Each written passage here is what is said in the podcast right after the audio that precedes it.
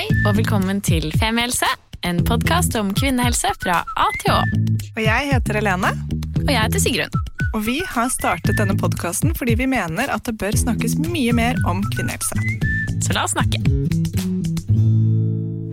Og da kan vi ønske velkommen fra studio 0859, og vi er klare!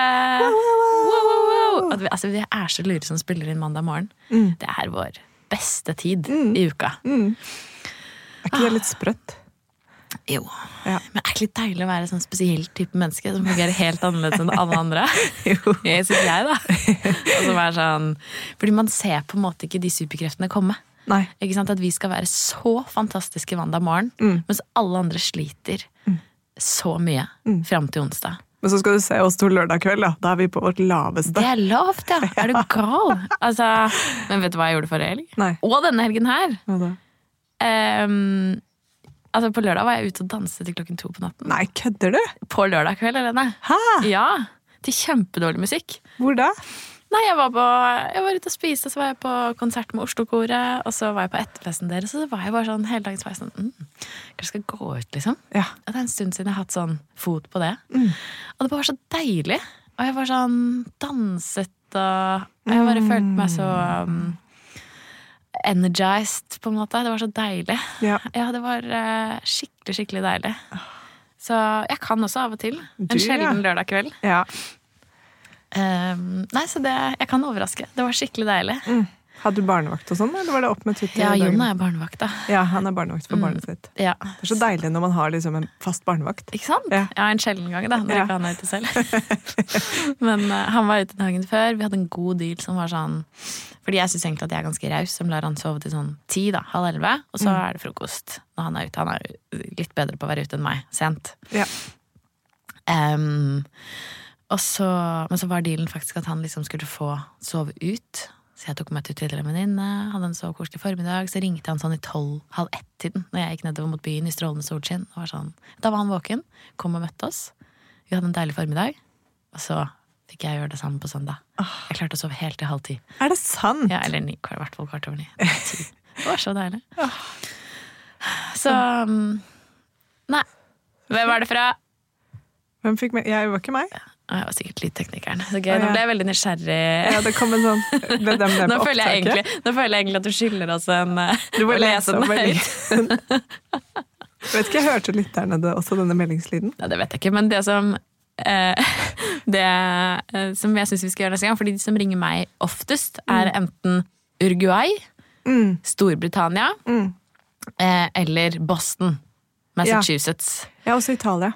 Jeg, jeg har ikke Italia, men eh, jeg syns egentlig neste gang noen ringer, så skal jeg ta den i poden. Ja. Ja, og si sånn Hei, du har kommet til Femihelse, hva kan jeg hjelpe deg med? Ja. Og så hører du den omkoblingen. Og Yes, hello! This is Microsoft calling! Ja. Og så sier vi sånn Do you know how large a clitoris really is? And what are the symptoms for jeg- endometriosis? De kommer aldri til å ringe tilbake. Nei. Nei. Du blir på blokklisten. Eh, ja, og det hadde jo vært litt deilig, for jeg driver og blokker de. Mm.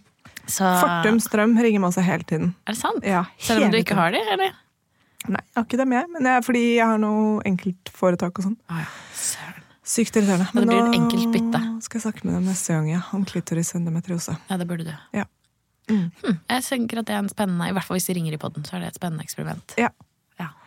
Ja. Oi, dette ble en veldig kaotisk start på en personlig episode, sånn som det skal være. Jeg trekker pusten dypt. Ja, og så føler jeg dere kan eh, se på disse personlige episodene som en eh, velkommen pause fra alt som er kvinnehelserelatert. Ja. Her er det kun personlig. Ja. Dette er kun personlig. Det er kun et lite sånn pusterom og avbrekk i hverdagen. Fra, for oss to. For oss ikke for dere, for dere Ja. er det Nei, vi slipper all ansvarsfølelse. Ja. ja. Nei da. Men du, konnichiwa, holdt jeg på å si. Ja. Hva er det man sier? Sava, savadika? ja. Eh, Kapkomka. Kapkunka? Ja. Eh, takk, ha det bra. Hvordan har du det? Velkommen hjem. Tusen takk. Jeg har det veldig bra. Jeg har vært to uker i Thailand. Ja, Vi skulle egentlig spille inn personlig fra Thailand. Det orket ikke du. Nei, det orka vi ikke. Nei. Nei. Det var bra. Det gikk ikke. Um, ja, jeg har det veldig bra. Så godt å høre. Mm. Ja, og hvordan har du hatt det? Du bare dro på ferie. Jeg følte at det var veldig spontant. Jeg var ja, sånn lite forberedt på det. Ja, jeg også. Vi hadde planlagt turen i et halvt år. Ja. Og så Men det er litt kort for meg. hadde ikke booket. Og så hadde jeg avbooket, fordi jeg har jo startet for meg selv. Så jeg har brukt opp alle pengene mine på Studiomat. Ikke sant? Lurt. Blakk, blakk, blakk. Ja. Og så Det har vært en god investering, da. Ja, jeg håper det. Så øh, Men så Altså, fant vi ut at Joakim kunne legge ut. Sånn Men var midlertidig. sånn, ok, nå skal jeg ikke spore av historien din, da. Men det er litt sånn bra Etter å ha jobbet mange år, kanskje så tror jeg kanskje det er litt sunt å komme i en blakkfase igjen. Ja, Ja, og være litt sånn, fordi jeg tror man også Det er sikkert sannsynligvis mange liksom rundt en som kjenner på økonomien veldig mye mer enn man kanskje vet om. Og bare det å bli sånn økonomisk bevisst plutselig, hvordan har det vært egentlig? for meg. Ja. Mm, jeg, jeg føler at det, ehm, det kanskje har vært en sånn gradvis prosess uansett. Jeg har blitt sterkt påvirket eksempel av Ada Martini. Ja. Så jeg har jo sluttet å handle klær. Ja. Altså sånn, Jeg handler jo ullklær av og til, og litt bomullsting. Mm. Kom, altså Jeg går inn på Kåss ofte og titter rundt og tenker at nå skal jeg kjøpe noe, så greier jeg ikke. det. Så eh, jeg altså Poenget mitt med historien er at jeg føler forbruket mitt generelt sett de siste årene har gått kraftig ned. ja.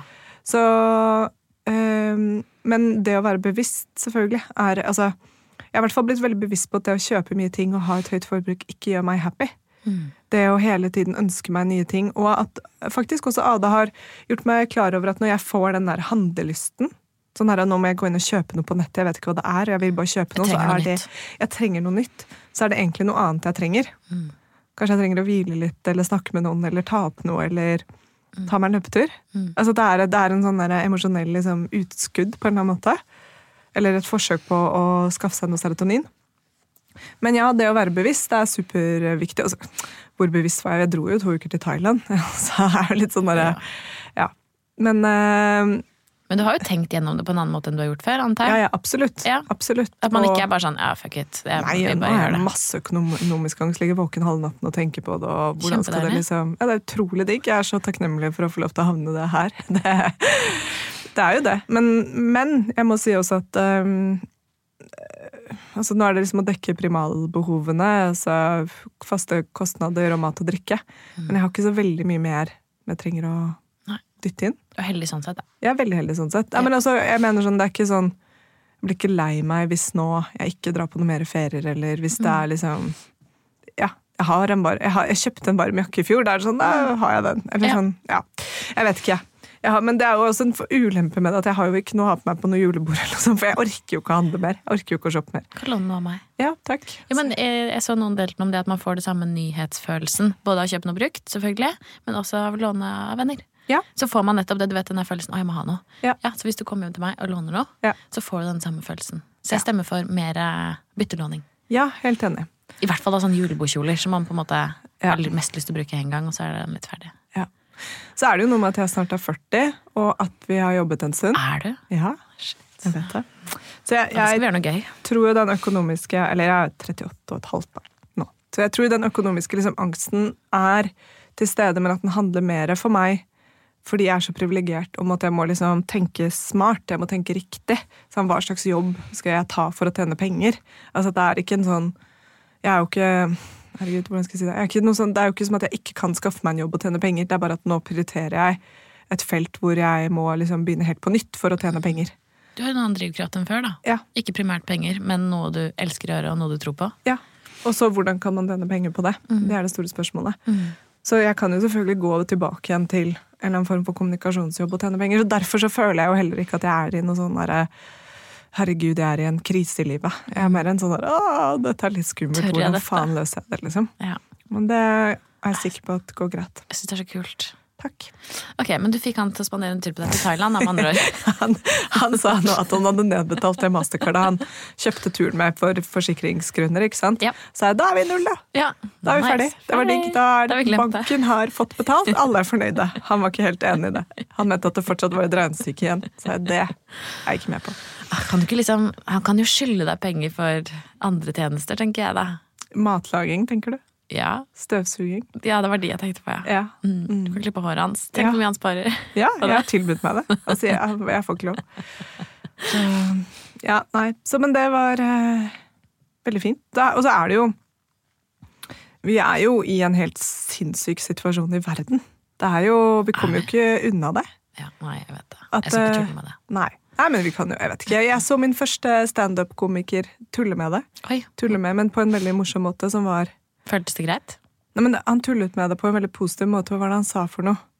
Han tullet med liksom hvilken uh, Nei, jeg husker ikke. Jeg skal dele den senere. Men uh, ja, det var, han, det var noe med liksom hvilken side man var på. Og så ja, Nei, jeg husker den ikke. Men det var, det var liksom første gangen jeg så noen tulle med det på en sånn var, hjertevarmende måte. Fordi den viste liksom veldig tydelig på en måte hvor jævlig situasjonen er. Men, men ja, så det har vært liksom Hva skal jeg si? Det er jo veldig rart å være et enkeltmenneske i denne store verden, og så være på en sånn ferie som bare skal være liksom mai tai på stranda og kose seg, og så foregår det et fol folkemord som eh, går tett inn på alle som på en måte har åpnet opp for å se på det, så er det jo helt eh, absurd jævlig det som foregår. Og fra et kvinnehelseperspektiv så er det jo Ja, det er så grusomt at jeg finner ikke ord for liksom 100 kvinner som føder om dagen i de forholdene. Jeg jeg, jeg, det er sånn jeg klarer ikke, nesten. Rest, relax, recover, som er liksom det du skal gjøre etter en fødsel, det er bare å glemme. Og det er helt Push run er det der. Ja, det er det. Try to survive. Og det er bare Det er jo et, Jeg føler eh, veldig mange kjenner på det samme her, at liksom Hvordan kan vi stoppe det? Altså, man får så lyst til å bare trykke på en knapp sånn, nå må du stoppe. Og så er det helt uforklarlig for hvorfor det ikke stopper. Og at vi står og ser på et folkemord uten at vi greier altså, uten at vi greier å stoppe det. Ja, og nesten at vi, uten at vi klarer å se en løsning. Ja. Ja, men annet enn å liksom stoppe. Jeg kan ikke se for meg Ja. Nei, og liksom livskvaliteten i Gaza og Vestbredden var jo jævlig nok fra før. Og nå er det bombet i stykker. Og det er helt absurd. Og jeg må bare Så du den der oversikten over den der vannoversikten?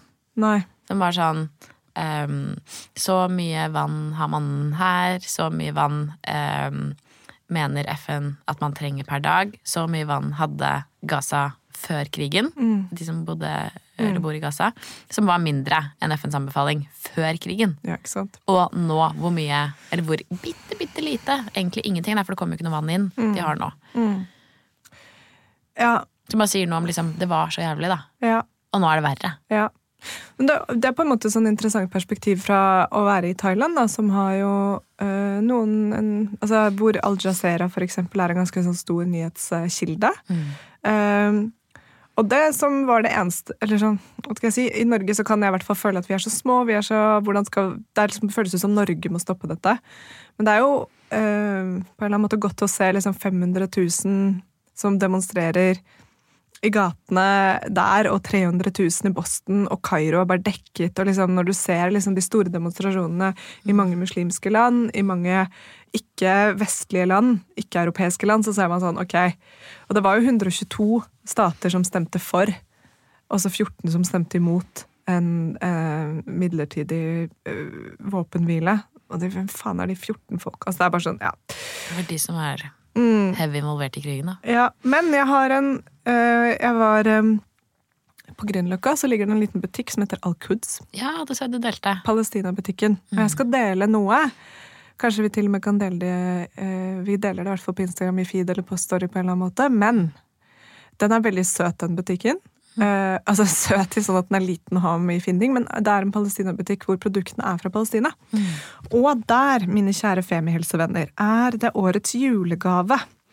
Ligger nemlig på disken der og er Smykker er Four Things You Must Know About Feminism, som er da nydelige, nydelige smykker laget av uh, Hva heter de? Det var liksom litt vanskelig å skjønne ut fra disse Men det er i hvert fall en feministisk gruppe fra Gaza som lager smykker som ser ut som eh, klitoris, eh, livmor Bare helt kjempefine. Og det som var, var at de smykkene ligger på, på disken på denne butikken, og jeg så det med en gang, og hun var sånn 'Ser du hva det er?' Jeg bare eh, 'Ja, jeg ser hva det er, for jeg kan dette'. Og holdt på å si sånn 'Har en podkast som heter Femihelse', og bare droppet jeg det. Klarte du å ikke gjøre det? Det var det så satt så hardt inne. Men Jeg føler bare at folk sier sånn 'Har du hørt denne podkasten?' Så er det sånn jeg driver faktisk en podkast, så Ja. Men da sa hun i hvert fall at denne um, Hva er det de heter for noe? Uh, jeg har bilde av det her, skjønner, men det består liksom ikke navnet på gruppa sånn helt tydelig og klart. Uh, slit Slita Ja, ok. Anyways, det er en gruppe som Da hun sa det, så sank liksom hjertet mitt helt ned i magen. Jeg bare, hun sa det som en positiv ting, at dette er en gruppe som jobber med å informere om kvinnehelse i Gaza. Sånn, Oi. de har liksom da om endometriose, PCOS, om fertilitet, og som jobber da og selger disse smykkene, og jobber med dette som prosjekt. Og da kjente jeg bare sånn Jeg fikk sånn lyst til å gråte på disken. Der, bare sånn, Det jobber dere med. Nå gjør dere ikke det, mest sannsynlig. Det som på en måte var et initiativ som skulle heve kunnskapsnivået om kvinnehelse, det er liksom Jeg kan ikke tenke meg at det er noe rom for det nå. Nei. Fordi nå handler det bare om å overleve. Mm. Og det er det var liksom, så Hun sa det som en sånn Ja, så jobber de med det. Bare, Nei, det gjør de ikke. Ja. Akkurat nå. Så Det er veldig Det er liksom- på flere måter. ja. Og vi, vi snakket jo om det, så vi, vi tok en kaffe før vi kom hit i dag, og liksom at det følelsen av håpløshet, og at det er så vanskelig liksom å gjøre noe, bortsett fra å dele på sosiale medier, og hvilken effekt det har eller ikke har. Mm. Men eh, jeg tror på å dele. Jeg tror på å snakke høyt. Jeg tror på støtte. Men du hadde jo noen veldig gode argumenter som jeg synes du skal si her også. For jeg må jo si at jeg har kjent veldig på den håpløsheten. Og liksom, hva, hva hjelper det at vi i ekkokammeret vårt på en måte brøler på Instagram? på en måte, At det føles så veldig sånn Hvis man legger fra seg håpet, på en måte, så føles det så veldig sånn Hva, hva hjelper det? Hvem er det det påvirker, på en måte? Sånn, Ja. sånn egentlig, og hva er forskjellen på liksom det å skulle møte opp liksom fysisk foran Stortinget eller andre beslutningsorganer, eller å dele på inn... Altså det er bare sånn det føles nesten, kan føles som en slags form for fake engasjement, men så hadde du en veldig fin liksom, Ja, tankerekke der for liksom hvorfor det var fint. Som jeg ble, det beroliget meg litt, i hvert fall. Ok, For jeg har tenkt mye på det. For jeg driver og pumper ut. ikke sant? Jeg deler alt som smartere folk enn meg deler om konflikten. eh, om situasjonen i Gaza, og om konflikten langvar- 75 år langvarige konflikten. Ikke konflikten, men okkupasjonen. Eh, og Ok, jeg tenkte sånn, ok, hjelper det nå? Men så er tankerekken min sånn at i Norge så er det ganske kort vei til politikerne. Politikerne er naboene dine, det er folk du har gått på skole med, det er folk du møter på gata. Du hadde møtt dem på gata. Ja, jeg møtte Marte Vea fra Venstre. Marit Vea. Marit Vea. Jeg satt og tenkte Marte, tenkte jeg det er feil, men det er Marit selvfølgelig, som er en utrolig kul dame. Jeg er veldig fan av henne. Og hun sto på Bislett for en måneds tid siden, eh, kanskje to, jeg husker ikke, og så stoppet vi og pratet fordi vi har møtt hverandre på kvinnehelsesettinger før. Og så snakket vi om jordmormangel i Oslo, og så sa jeg sånn, jeg syns det er ganske absurd at vi har en jordmormangel, og at vi på en måte eh, gåsetegn importerer masse vikarer fra Sverige og Danmark, og i hvert fall i Danmark så er jordmorutdannelsen en bachelorgrad på tre år, mens i Norge så er det påkrevd med en mastergrad, og det er veldig vanskelig å komme inn.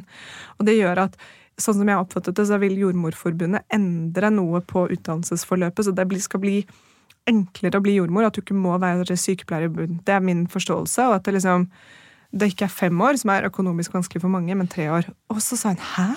Er det sånn? Det visste jeg ikke'. Og da ble jeg sånn pst, her står jeg.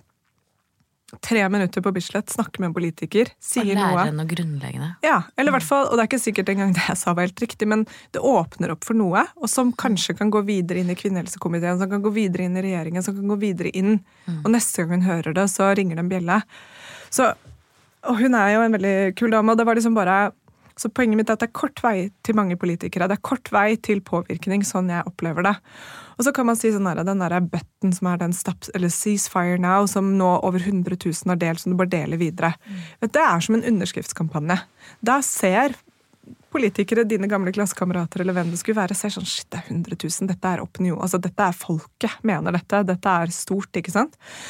Så jeg tenker at for hver ting vi deler, så kanskje man åpner opp for at noen andre også tør å dele. For i begynnelsen så turte jeg ikke å dele.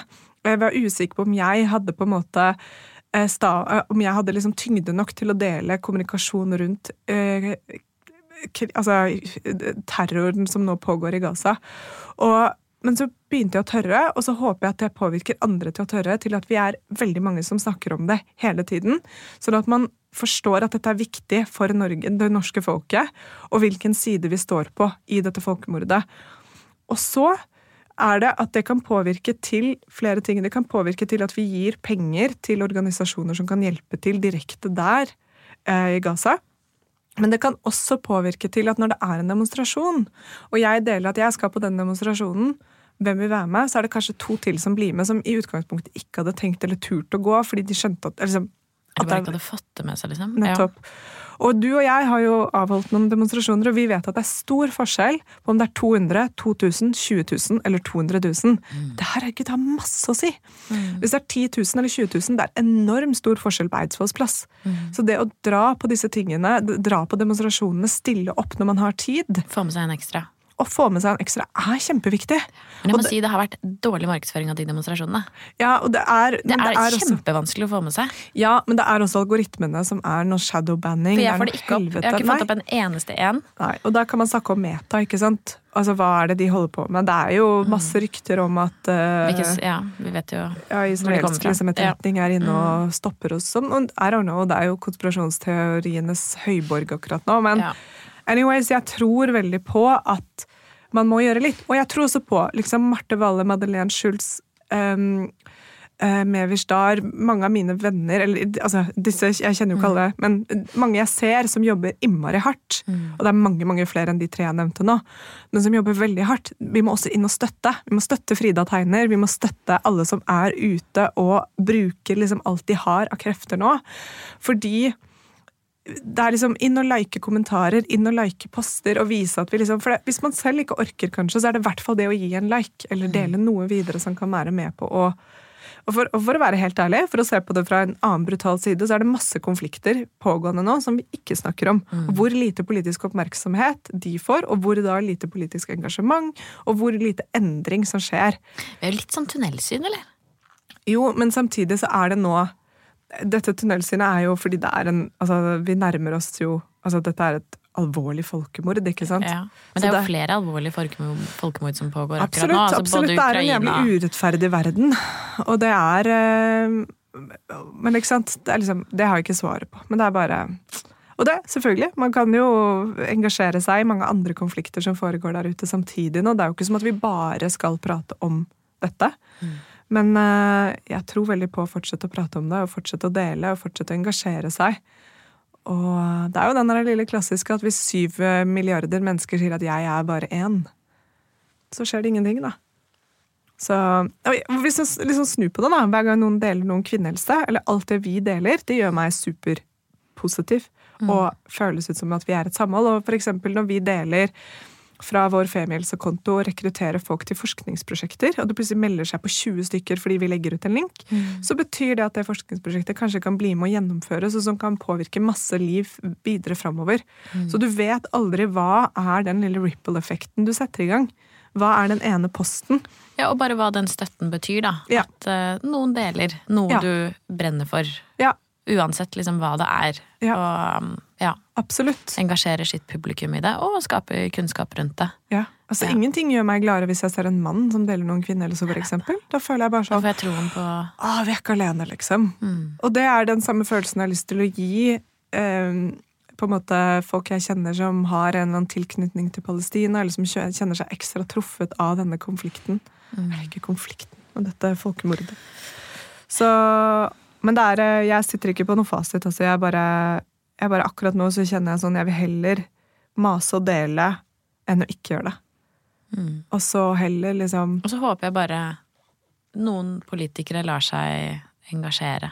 Ja, og det får, gjør de jo. Ja, jeg vet det. Men det er jo kanskje litt den samme følelsen da, som man ønsker seg når, man, når vi får når en mann deler noe kvinnehelserelatert. At det blir sånn ok, ja. Dette kan kanskje løse seg. Ja. At man ønsker seg liksom den samme formen for Og vi vet jo at det jobbes med dette på alle måter. Jeg bare syns at den Instagram-ropingen også kan komme til et punkt av liksom håpløshet. Fordi det føles så tomt der ute. At jeg føler at vi står liksom sånn og banker på hverandres dører. Ja, enig. Men samtidig så var det Vi delte jo, eller jeg delte en sånn post som handlet om 'Feminist, where are you?' For dette er mm. en stor feministisk krise. Fordi krig treffer barn og kvinner hardest nesten alltid. Det er voldtekter, det er misbruk, det er fødsler, det er kvinnehelsesykdommer. Det er så mye ting som skjer med kvinner i krig som er Og menn selvfølgelig også blir drept, det er ikke det, men det er Ja, Ja. Spesielt også da i land hvor eh, kvinner kanskje ikke har fått utdannelse, er avhengig av en manns inntekt og eh, også for, og frihet, da, av en mann for å ha sin frihet. Så når menn er i krig eller dør, ja. da står jo kvinnene også veldig på bar bakke. Ja. Men, og så var det jo, så har jeg liksom den der, mange som har tatt seg nær av det, eller no, altså sånn der, at mange feminister er jo på barrikadene nå, ikke sant? Virkelig og kjemper på. Ja. Men vi har snakket om dette før, at da hashtag kvinnehelse oppsto, med Nomi og hele den klinikken, Mm. aldri har jeg sett så mange rope så høyt. Nei. Så det engasjementet, og den enkelheten det var å snakke høyt om det, Ja. Det savner jeg litt i denne konflikten. Mm. Så Fordi det, vi vet hvilken makt det har, da. Nettopp. Mm. Så den Der mener jeg at liksom Hashtag kvinnehelsebevegelsen må på banen. Ja, Ja. faktisk. Mm. Og den bare del, og. Og for, og for meg så mm, Det ble liksom Når jeg begynte å sette meg inn i det, og kjøpt Odd Korsen Tveit sin bok eh, 'Midtøsten' på 200 sider, og lese meg opp og prøver å forstå Det er sinnssykt Det er så komplisert. Det er komplisert, men er så, det er ikke så komplisert. Altså, det er en lang historie som er komplisert. Jeg kommer aldri til å greie å huske alle detaljene, men det er ikke så viktig, fordi det som skjer nå, er ikke så komplisert. Og jeg så en Instagram-video i går at hvis du går inn og ser på liksom geotaggen til byer i Israel, hvordan de har det der nå, versus hvordan det er i Gaza, så er det veldig lite komplisert å se hva som foregår. Der er det beach parties, og livet foregår som normalt, og du kan føde på et sykehus trygt og fint. Ja. Uten selvfølgelig at man øh, skal undergrave hvor jævlig det er at 1500 mennesker ble drept og masse gisler ble tatt 7. oktober. Men det som foregår videre nå, er også helt insane jævlig. ja, det er helt jævlig. Så ja. Ja. Mm. Men uh, ja. Så det var egentlig det jeg hadde å si om det. ja, men jeg syns det er uh, Det er klokt og fint. Og mm, jeg vet ikke, det hadde egentlig vært litt spennende å høre hva dere der ute tenker om nettopp den følelsen av Jeg vet ikke. Kampvilje, motløshet liksom, i dette her også. Spesielt sånn Ja, hvis dere har lyst til å dele, så er det veldig spennende å høre. Ja. Og så syns jeg liksom, apropos å dele, så er det jo en ting som jeg syns vi skal dele på sosiale medier. Og det er jo en, et album som du viste meg som en oppsummering av din ferie. Som viser jo hvor utrolig problematisk det kan være å dra på ferie med en mannlig partner. Ja. Fordi det har noen klare nedsider. Ja. I hvert fall noen mannlige partnere. ja. Um, ja. Jeg skal dele et album av bilder Joakim har tatt med, av Jeg meg syns vi skal denne legge det ut på Femihelse. Ja, nei, Som et, eh, et lyspunkt til alle der ute som bare trenger noe å le av. Fordi eh, Ja, faktisk. Eller hvis du står i det selv, da. Nå kaster jeg deg i under det. bussen her. Jeg står i det. Men jeg føler det er virkelig en presentasjon av deg fra din verste side. Ja. Liksom Fanget på så utrolig mange bilder, som Mm. er typisk menn. Ja. Som er sånn Å, dette var koselig, jeg tar et bilde. Så er det bare sånn Mm. Det er ikke koselig du skal ta bilde av. Det er ikke Ikke primært. Det er så mye som er galt med disse bildene. Det verste var at Joakim sendte meg et lite utdrag av bildene han har tatt av meg i går. Med noe ironisk distanse, eller ikke? Nei, nei, for jeg sa bare sånn Joakim, hva er det du har sendt nå? Og så sa han sånn Nå tok jeg ut de beste. Nei. Jo. Så så jeg resten, og jeg bare å, fy faen. Ja, det er vanskelig. Men samtidig, det er jo sånn jeg ser ut. Jeg må også bare stå i det, liksom. Det er, øh... men han har tatt noen øyeblikksbilder av meg som er helt grusomme.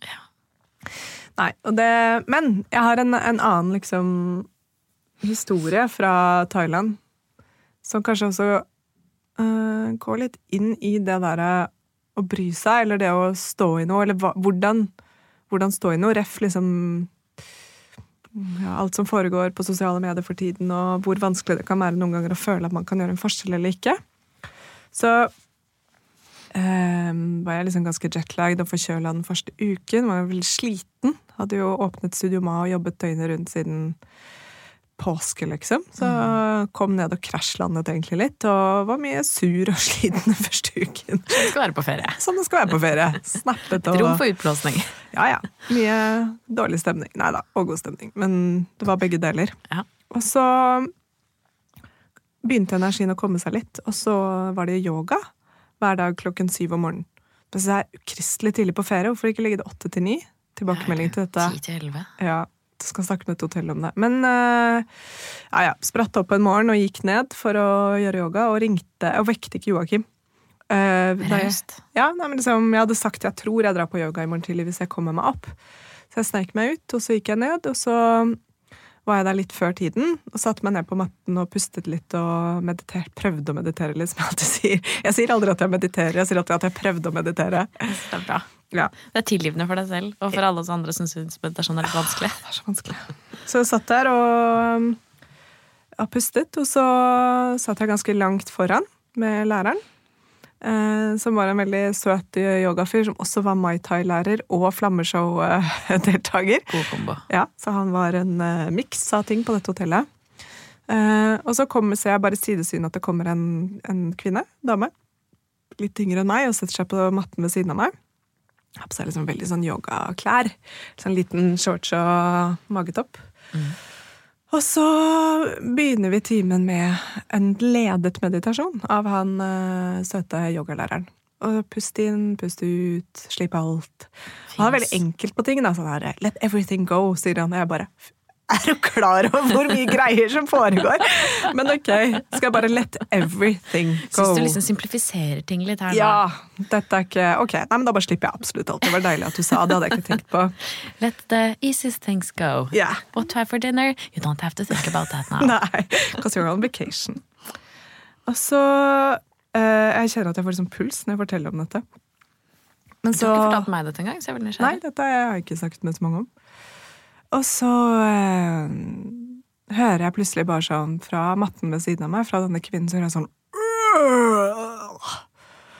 Men vi er jo i en meditasjon hvor vi får beskjed om å let things go, og jeg har jo vært mye på breathworks og sittet i mye ulike sirkler, og jeg er vant til at folk har sine egne prosesser, og at folk uttrykker seg kanskje med å sukke eller å stønne. Altså, jeg er vant til mye greier fra yogaverden, på en måte, og andre verdener. Så jeg tenker ikke så mye mer over den lyden som kommer fra siden, før hun på matten bortenfor igjen sier 'I think she needs help'. Og så snur jeg meg, og så sitter hun krøket fremover, altså med nakken altså kinnet eller haken helt ned i brystet, og så renner det sikkel ut av munnen hennes, og så er hendene helt sånn i krampe. Og så ser jeg på henne, og så skjønner jeg liksom bare hun har et anfall. Oi. Og så faller hun bakover og er helt krampet opp, og det fråder fra munnen hennes. Oi, Og hun får ikke puste. Og alle får liksom en sånn form for panikk i rommet. Mens jeg bare ser på henne, og hun er nærmest meg. Hun ligger med ansiktet liksom opp, men hun ligger på ryggen, men hun er nærmest meg. Og jeg går bare inn i full Dola-modus. Så jeg legger under, nei, hånden under hodet, og så begynner jeg å snakke til henne og liksom breathe. Og prøver først å spørre du er epilepsi, du, you, altså hello, liksom. Men hun svarer jo ikke. Nei, øynene ruller bak i hodet. Hun får ikke puste. Det er helt bare så hveser. Og det skjer masse, og det, tiden går sakte, og den går kjempefort samtidig. Og hun er helt sånn Helt i krampetrekning. Hele kroppen.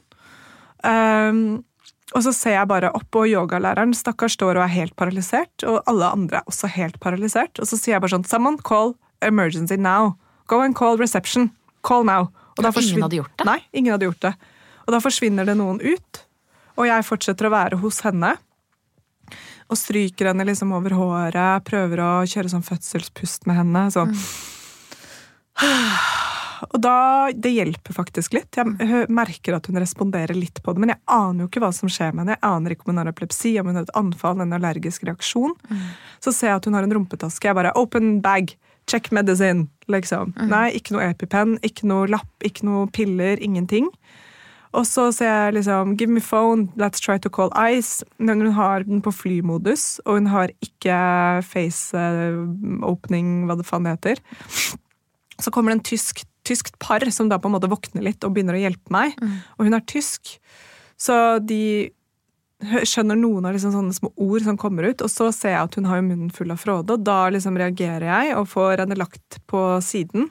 Og da renner det masse sykkel ut av munnen hennes. Og da får hun liksom enda lettere puste, da. Og jeg fortsetter å liksom stryke på henne og roe henne ned, og snakke til henne og liksom bare sier sånn You're safe, we're here, emergency is on its way. Og så er det noen som da sier at uh, I've called her husband, eller I've called the room, fordi vi måtte skrive oss inn på en liste med romnummer. Mm. Og jeg liksom registrerer det og tenker bare bra. Og så ser jeg plutselig bare opp mot trappen, og så ser jeg bare føttene til Joakim kommer. Og så kommer Joakim inn i rommet, helt likblek og helt skjelven, Shit. og løper inn. Og jeg skjønner jo hva som har skjedd. Og jeg bare Nei, Joakim, Det er ikke meg. det er ikke meg.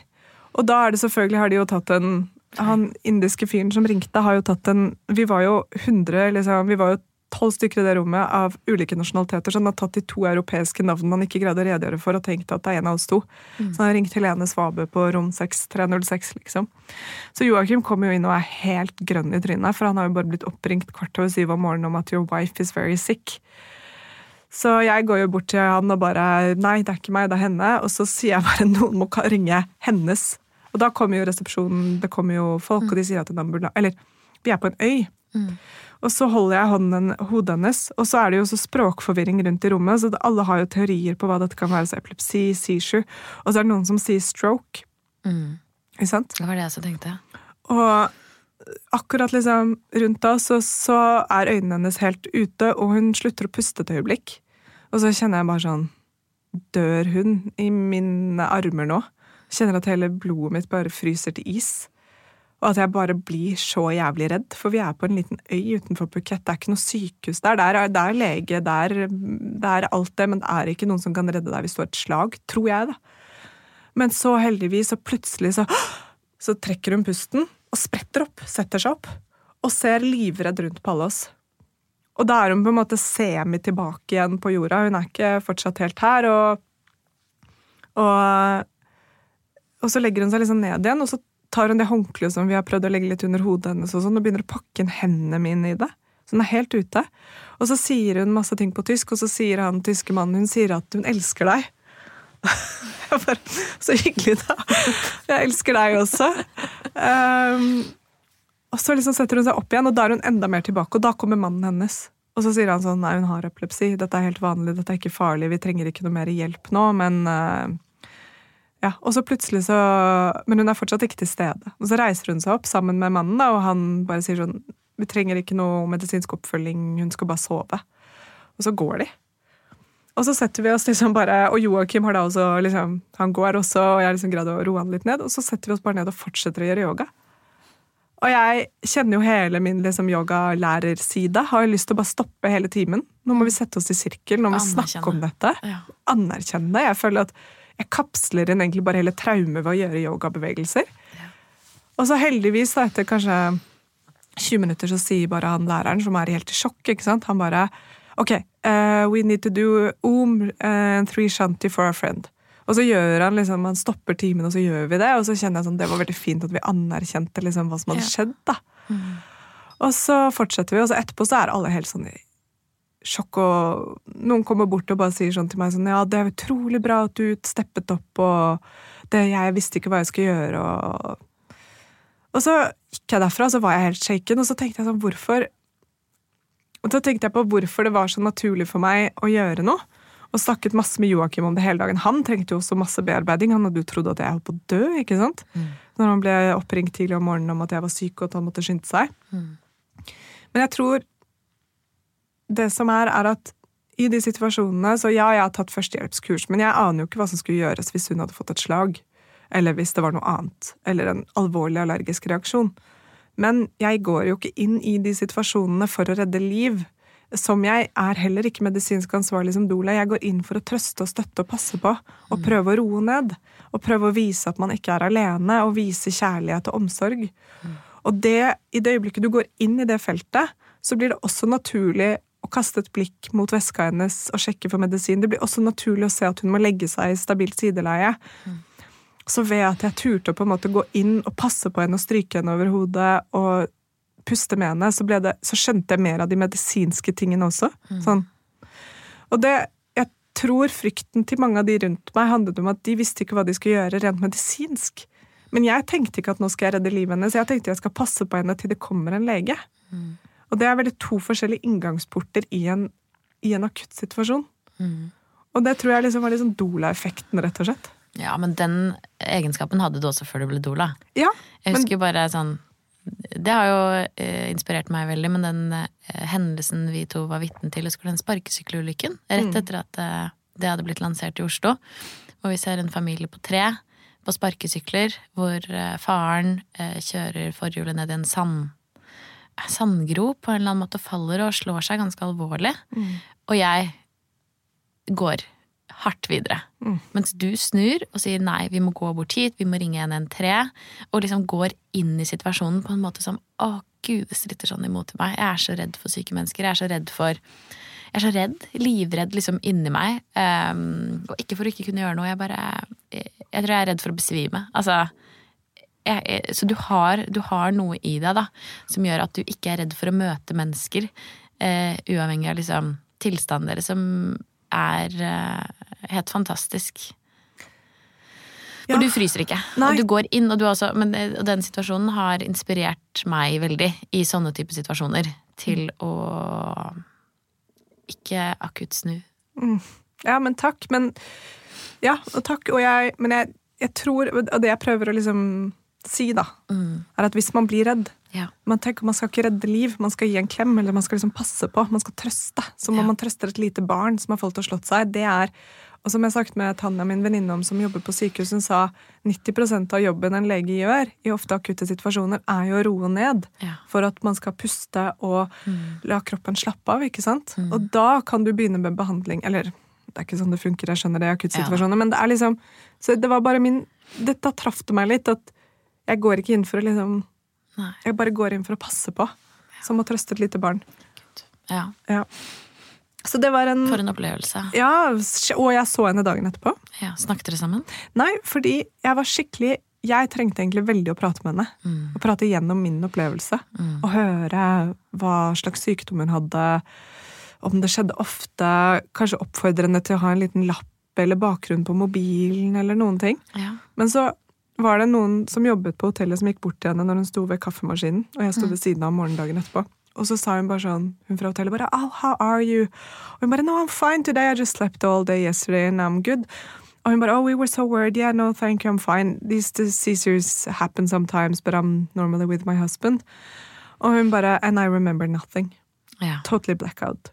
Så jeg tenkte ah, Jeg var så i tvil, men jeg bare kjente også at hun skal også få slippe. At liksom, for hun går med rundt med sikkert en form for fylleangst. ikke sant? Med at hvor mange var det som så meg ha dette anfallet? Og jeg husker ingen av ansiktene deres. Og Og jeg hvert at hun skal få slippe å ha ansvar for din opplevelse, på en måte. Nettopp. Selv om jeg skjønner at du hadde behov for det. Ja, Så jeg lot det gå, men jeg så at hun var i fin form. Ja.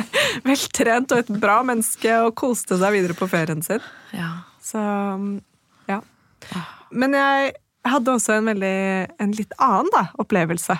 Som var min uh, Judgy McJudge-face-opplevelse. da. ja. Som var at eh, det var en gjeng med 40 stykker der. Som så ut som de kom fra Real Housewives of Orange County. Interessant. Sånn så de. Hvis det kan liksom gi dere et bilde på hvor liksom, sånn type amerikaner som var veldig veltrente med mye pupper og lepper og Det var veldig sånn jeg var sånn Hvem er denne gjengen her, og hva er det de holder på med? Jeg var veldig sånn nysgjerrig på dem, for det var nesten litt som å ha sånn The Kardashians på stranda. 40 av dem. Og så siste kvelden, siste dagen, så ble jeg bare så nysgjerrig at jeg måtte bare gå bort til For det var liksom en litt eldre kvinne, og så var det datteren hennes og kjæresten og datteren sin lille barn. Og hun gikk og ammet dette barnet veldig mye sånn gående rundt. Det var veldig, det var veldig kult å se på. liksom sånn litt off Veldig eh, fri. Mm. Ja, og litt sånn off eh, trade, på en måte. da Som jeg føler amerikanere kanskje ikke er de mest ammende offentlig. Men ja. Og så til slutt så går jeg bort, da, og jeg har liksom ligget og dømt disse menneskene sånn en uke, for de gikk rundt i stringbikiniene sine og sånn. Og så går jeg bort og så sier jeg sånn I just have to ask, like, what are you guys doing here? Is it like a wedding or a party? Like, no, it's a yoga camp. Og jeg bare, å ja. Og hun bare, yeah, because I'm a doula and a midwife. Seriøst? Ja! Og så begynte jeg å snakke med hun datteren som hadde, datter, som hadde sin datter på hofta, som var liksom ni måneder gammel, og hun hadde hatt en beautiful home birthing in a bathtub. Og vi begynte å snakke om Eva Rose, som hun felte og elsket. Og vi bare Og jeg bare følte at jeg hadde dømt dem så opp. Og så var de doulaer og jordmødre og jobbet med å lage en app for liksom kvinnesamhold og kvinnehelse. Og jeg fortalte om Studio Ma, og de elsket det. Og jeg bare fy faen, Helene, du er Judgy McJudge-face. Nå kan du bare, Den her kan du suge på som en sånn sur karamell. At en doula kan være mange ting? Ja, Ja. Men også liksom at ja, Nei, jeg vet da søren. Jo, men, det også bare- utseendemessig, liksom. Ja, selvfølgelig. ikke sant? Og det var bare så interessant at de kom fra et annet sted hvor det der er greia. I don't know.